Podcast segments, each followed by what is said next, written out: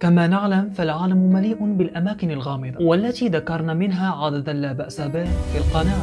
ولكن اليوم سنتحدث عن مكان يوجد بالبيرو وقصته لها جذور عريقة بحضارة نازكا. تركت حضارة نازكا وراءها العديد من الألغاز. ولكن اليوم سنتحدث عن لغز لم يستطع أحد تفسيره حتى الآن ألا وهو خطوط نازكا.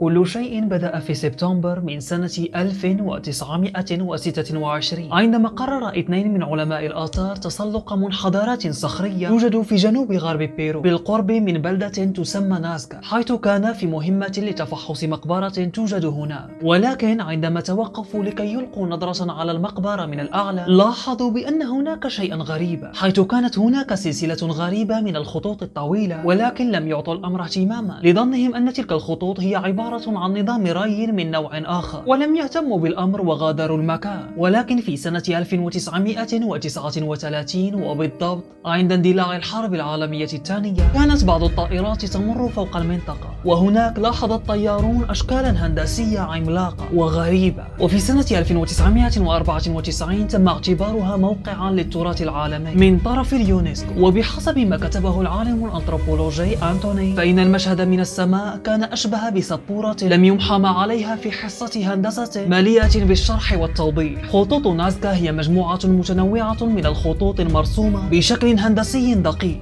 منها المستقيمة والمتوازية والمتعرجة والدائرية والتي تعرف باسم geoglyphs وتمتد على مساحة 400 كيلومتر. ومن الكائنات التي رسمت كانت العنكبوت وطائر الطنان والنسور والأسماك والقرود والتي يصل عددها إلى حوالي 2700 رسمة. سنة 1900 1926 لم تكن أول مرة يتم ذكر خطوط نازكا فيها. بل تم ذكرها لأول مرة في كتاب عام 1553 وبعدها في كتاب آخر سنة 1586 حتى تم اكتشافها رسميا في الثلاثينات من القرن الماضي. إلا أن نشأتها كانت قبل 1300 سنة إلى 2400 سنة. أي قبل نشأة موقع ماتشو بيتشو المعروف بالقلعة الضائعة. في بيرو ومن الدلائل التي توضح بأن تلك الرسومات كانت لشعب نازكا وليست للإنكا هي الأقمشة والخزفيات الخاصة بحضارة نازكا حيث يعتقد العلماء بأنها رسمت من طرف شعب نازكا بين 200 عام قبل الميلاد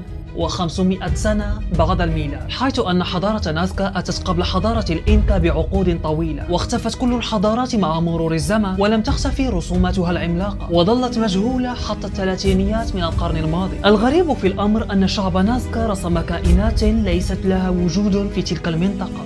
إذا لماذا تم رسم حيوانات برية؟ لا يعرف عنها شعب نازكا أي شيء. وفي محاولة لحل هذا اللغز أجرى الباحثون دراسة شاملة لنحو 16 صورة من الطيور. ولاحظوا بأن رسومات الطيور العملاقة هي في الحقيقة تعود لطيور. لا تنتمي إلى تلك المنطقة بل إنها لطيور تقطن في غابات مطرية. وهنا توصلوا إلى أن شعب نازكا كان يعتقد بأن تلك الطيور هي التي تجلب المطر ولهذا كان يتم رسمها مما يعني أنها كانت ممارسات دينية لشعب نازكا والتي تنطوي على عبادة الآلهة المرتبطة بتوفير المياه. مثل الطيور التي كانت لا تظهر إلا في وجود المطر والتي ترتبط ارتباطا مباشرا بنجاح المحاصيل وإنتاجيتها بالنسبة لشعب زراعي قديم. وبحسب بحسب عالم الآثار الأمريكي يوهان فإن الأشكال هي عبارة عن رموز تمثل حيوانات وأشياء تهدف إلى استدعاء مساعدات الآلهة لتوفير المياه ولكن السؤال المهم لماذا تم رسمها بتلك الضخامة؟ حيث أنه لم يكن من الممكن التعرف على ما يتم رسمه من مستوى أرضي والذي ستظهر به الرسومات كأنها طرقات ليس إلا إذا هل يمكن أن شعب نازكا القدامى كانوا على دراية بالطيران مثل المناطيد مثلا؟ ولكن هذا احتمال مستبعد نوعا ما. ولكن هناك تفسيرات أخرى لوجود كل هذه الخطوط والرسومات والتي تقول بأن شعب نازكا لم يقم برسم أي شيء وأن من رسموها هم الزائرون من الفضاء. أو ربما أن شعب نازكا قد قاموا برسم تلك الخطوط فعلا. ولكن بتعليمات من الفضاء الخارجي وذلك ربما لإنشاء ممرات هبوط لمركبات فضائية أو ربما لجذب كائنات فضائية.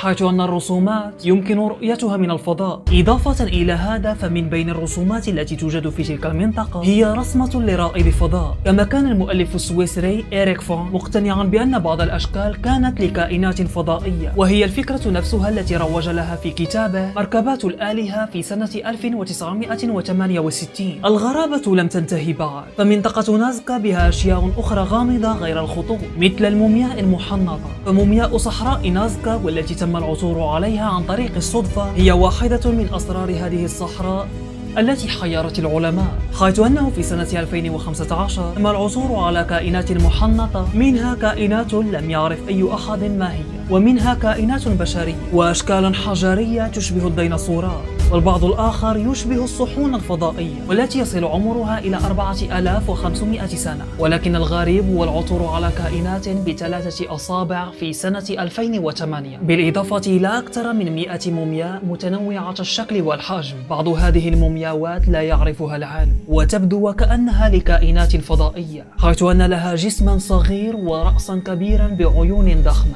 وثلاثة أصابع في يدها فقط. والتي تعود إلى القرن الخامس. إلى هنا تأتي نهاية الحلقة. وأخبروني في التعليقات ما الذي تظنونه حول هذه المنطقة.